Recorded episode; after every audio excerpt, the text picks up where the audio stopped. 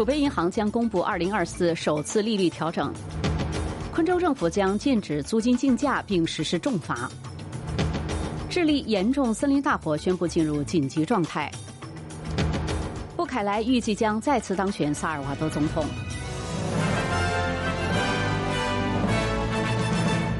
下面是新闻的详细内容。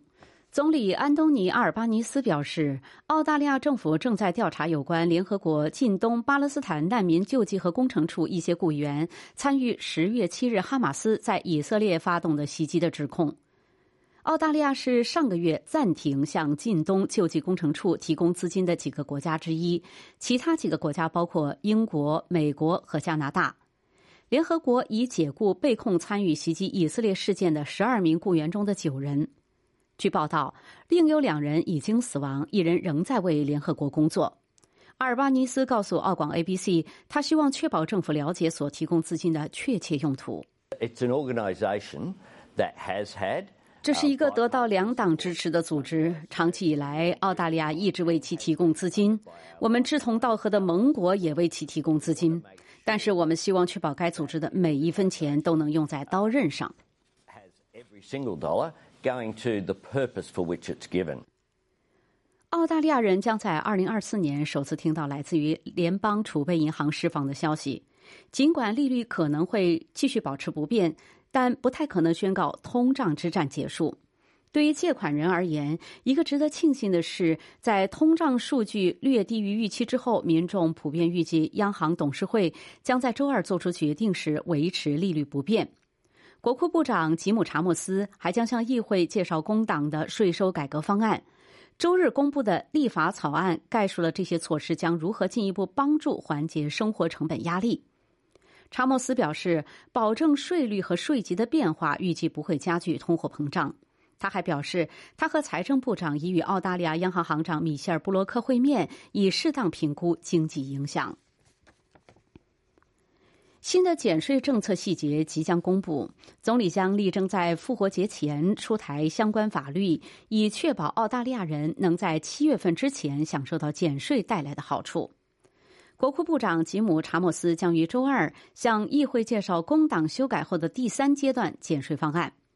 阿尔巴尼斯总理告诉澳广 ABC 的内部人士，立法需要尽快通过，以便为雇主和税务局提供一个轻松的过渡。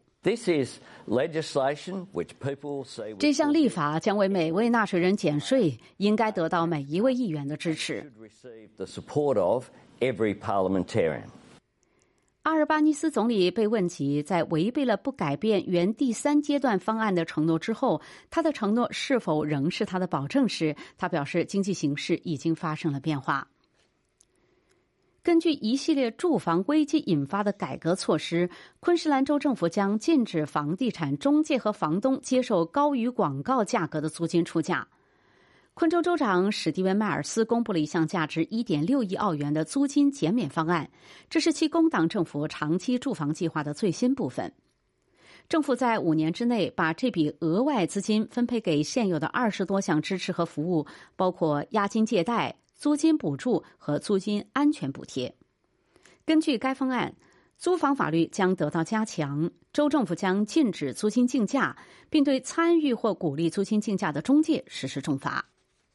就业部长托尼·伯克建议，只有在极端恶劣的情况之下，雇主才可以在工作时间外联系员工，不然会面临罚款。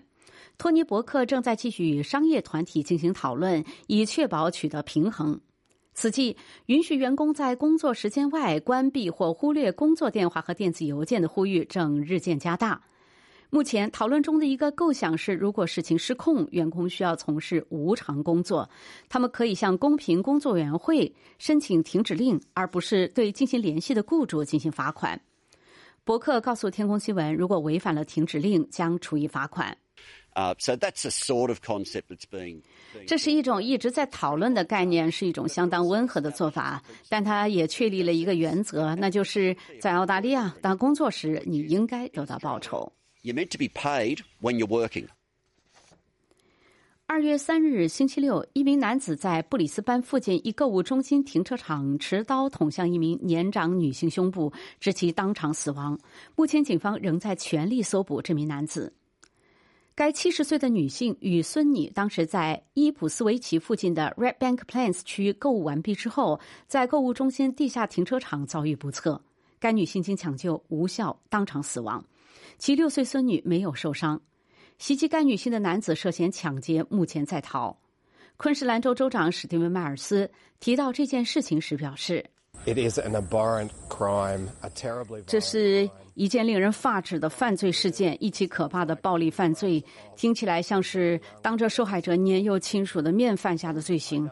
我知道我们的警方正在竭尽全力抓捕这名罪犯，毫无疑问，法院也会像我一样严肃的对待这一起犯罪。Courts will take this crime as seriously as I do. 参加墨尔本骄傲游行的警察遭到了颜料弹的袭击和辱骂。周日，约一百名维州警察，包括一些带着孩子的警察，参加了在海滨郊区圣基尔达举行的 Midsummer Pride 节的游行。维州警方称，游行开始不久，他们遭到了多达五十名抗议者的对峙。警察局长西恩·帕顿顿也参加了游行。他告诉第九频道，他认为这场混战是有预谋的。Their conduct,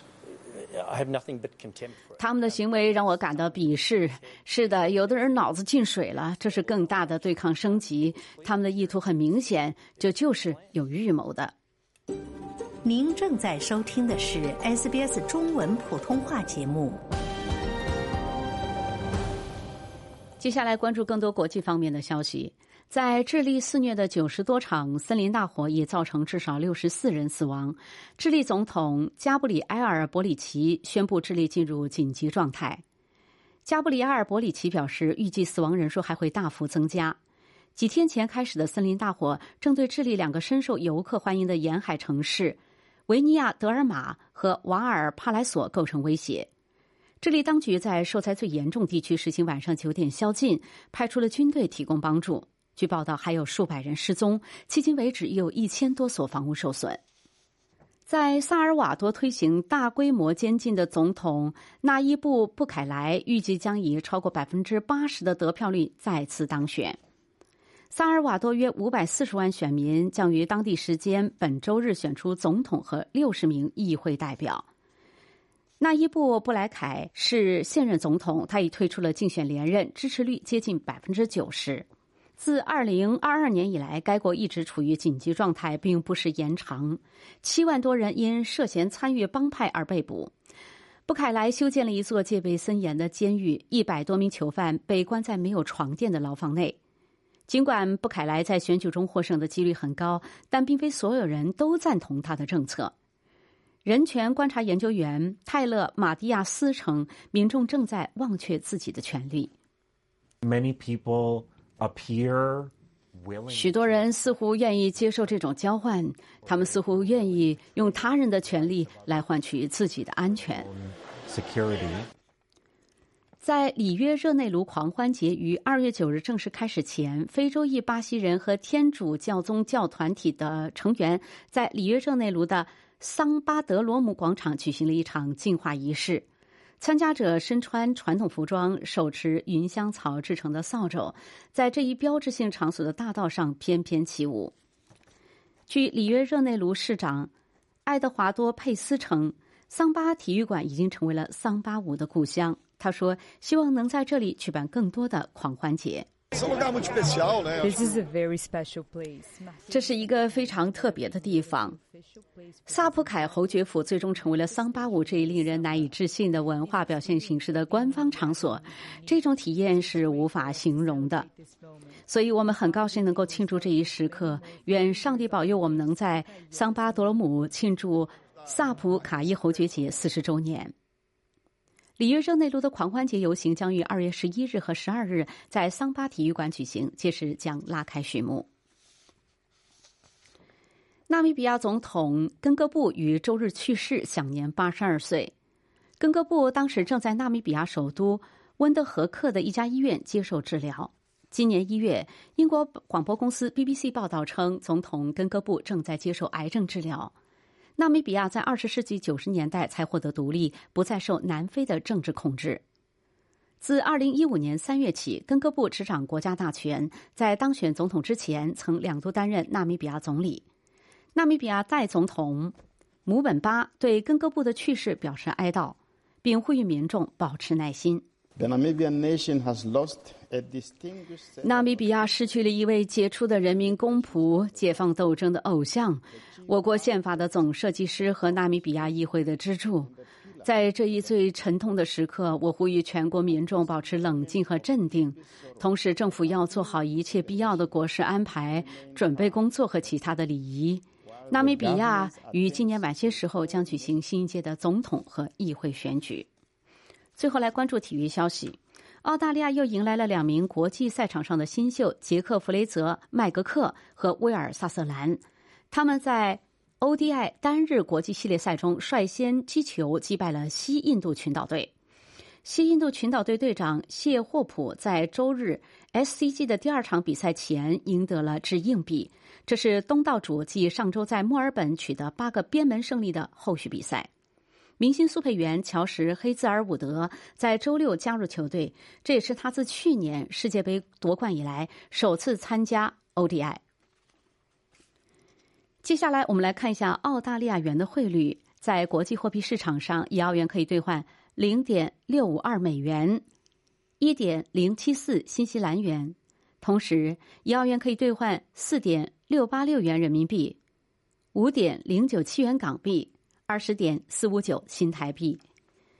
新闻节目的最后是全国各主要城市的天气情况：悉尼可能有阵雨，最高温度三十三度；墨尔本多云，最高温度二十三度；布里斯班局部多云，最高温度三十二度；堪培拉有雨，最高温度二十六度；阿德莱德局部多云，最高温度二十五度。珀斯晴，最高温度二十八度；达尔文晴，最高温度三十三度；霍巴特局部多云，最高温度二十三度。